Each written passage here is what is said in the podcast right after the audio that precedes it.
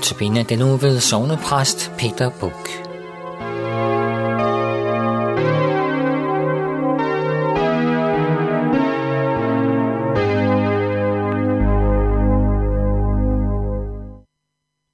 Jeg tror på heligånden, de hellige samfund, syndernes forladelse, kødets opstandelse og et evigt liv, slutter vi trosbekendelsen af med.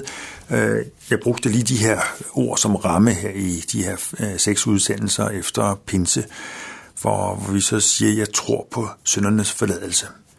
Øh, det er fantastisk stærkt, og når man siger trosbekendelse, prøv at tænke på det. Det er en trosbekendelse. Vi tror på, at det virkelig er rigtigt, at Gud kan tilgive dine synder, mine synder absolvo. Gud kan løse os fra synden.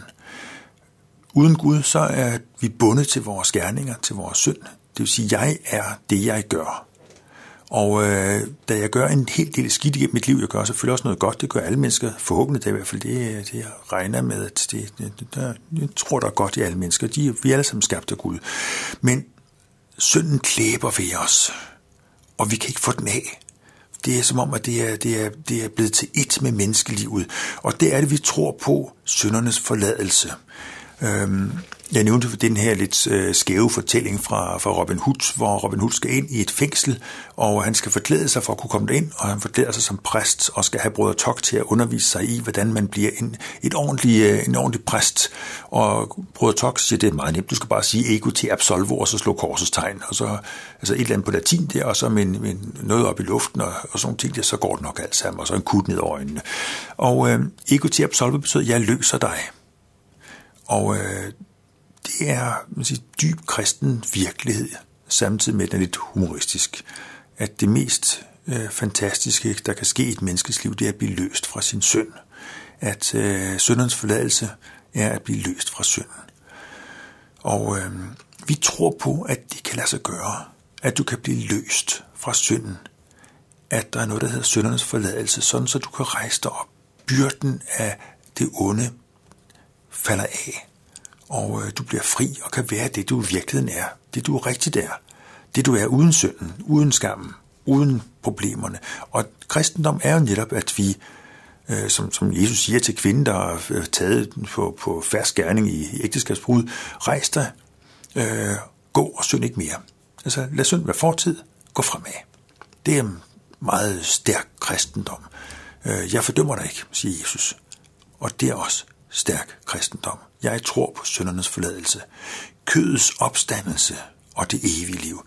Kødets opstandelse er måske lidt, øh, ja, hvad skal jeg sige, lidt, lidt underlige ord.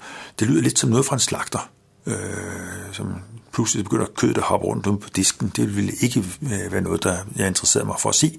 Øh, og jeg tror virkelig, skulle nok sagt lemets opstandelse, fordi Paulus bruger ord, er til ordet kød i en sådan negativ betydning, mens lemet er noget positivt.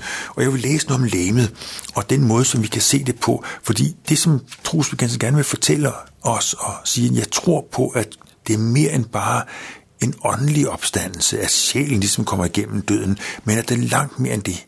Øh, Paulus siger, vi ved nemlig, at hvis det telt, vores, øh, som er vores læmes hus på jorden, det er øh, 2. Korintherbrev kapitel 5, jeg læser, hvis det telt, som er vores hus på jorden, brydes ned, det vil sige, når jeg dør, så har vi en bygning fra Gud, et hus, der ikke er bygget med hænder.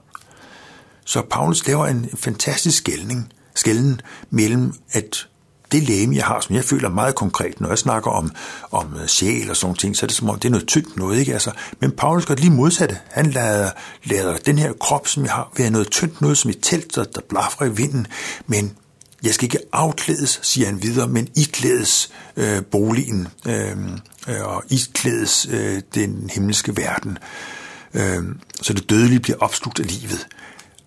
Hvis man lige læser det igen, så hører vi om en verden, hvor hvor den, det jeg kender her, er næsten skyggeverden, og det kommende er den virkelighed.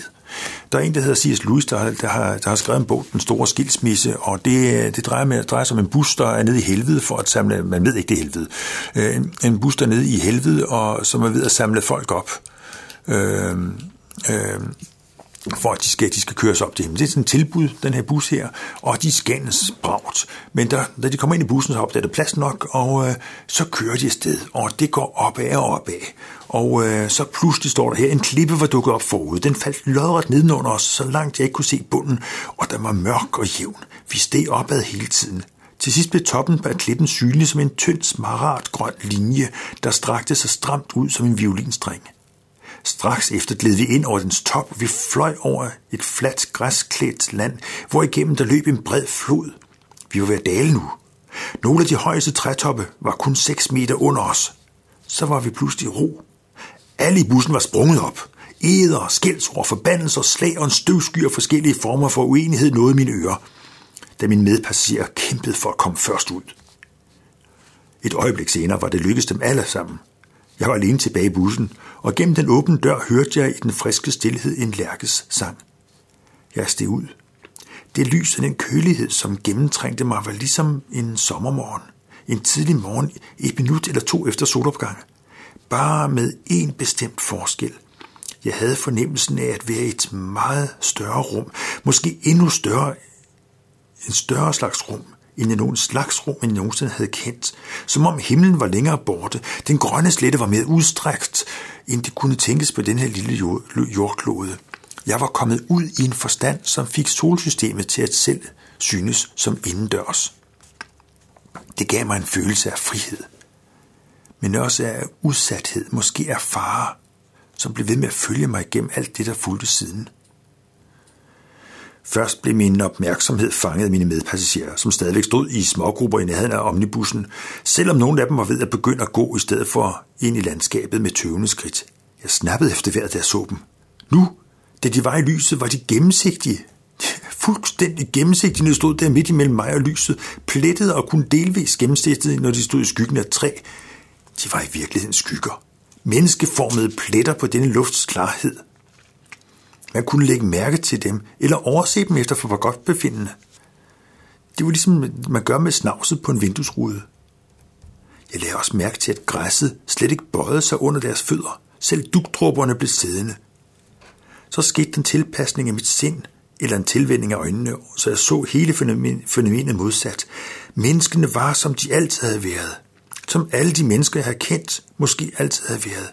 Det var lyset, græsset, træerne, der var anderledes, skabt af en helt anden substans.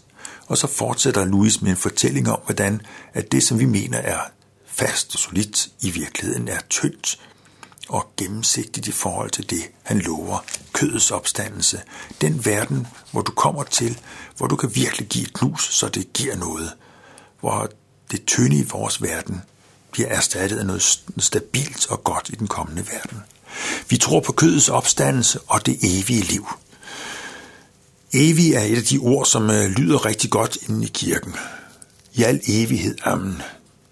Øhm, det siger vi fader, vor, vi siger det mange gange, og evig og sammen med alle magter og allesteds nærværende, og sådan nogle af de her flotte ord, som, som præster kan slynge om sig, og, og som lyder som om man har forstået det hele. Problemet med evigt det er, at det er jo et, et, et, et mærkeligt ord, fordi det, ingenting i min verden er evigt. Altså alt, hvad der er omkring mig, det forgår. Jeg selv, jeg er blevet, jeg bliver snart 60 år. Øh, det blev 59 år, det vil sige, at jeg er det i hvert fald ikke evig. Jeg har, det, altså, når man er syv år gammel, så kan man godt tro, at der er en evighed foran en, men, øh, men det er der jo ikke. Øh, tiden går lynhurtigt, hurtigt, og øh, de huse, vi har boet i, de forandrer sig. De bliver bygget om, og, og naboens øh, veranda, den er revet helt ned nu og bliver bygget op en gang til. Altså evighed, nej, det er der ikke, men foranderlighed er der masser af. Evigt, det er slet ting af i min verden. Øh, og derfor kan man spille, hvad er evigt? Hvad er det, vi bekender? Jo, der kan vi se det sådan i forhold til, hvad, hvad, hvad Guds rige er. I den her verden er det det brudte liv, vi møder. Alting bryder sammen om os. Øhm, vi har brudte ægteskaber, brudte venskaber, brudt tid og brudt glæde. Det evige liv er det modsatte af det brudte. Det er det hele liv, eller det helede liv. Og jeg tror på en verden, hvor, hvor tingene ikke bliver afbrudt hele tiden af synd, af skam og elendighed. Jeg tror på kødets opstandelse og det evige liv.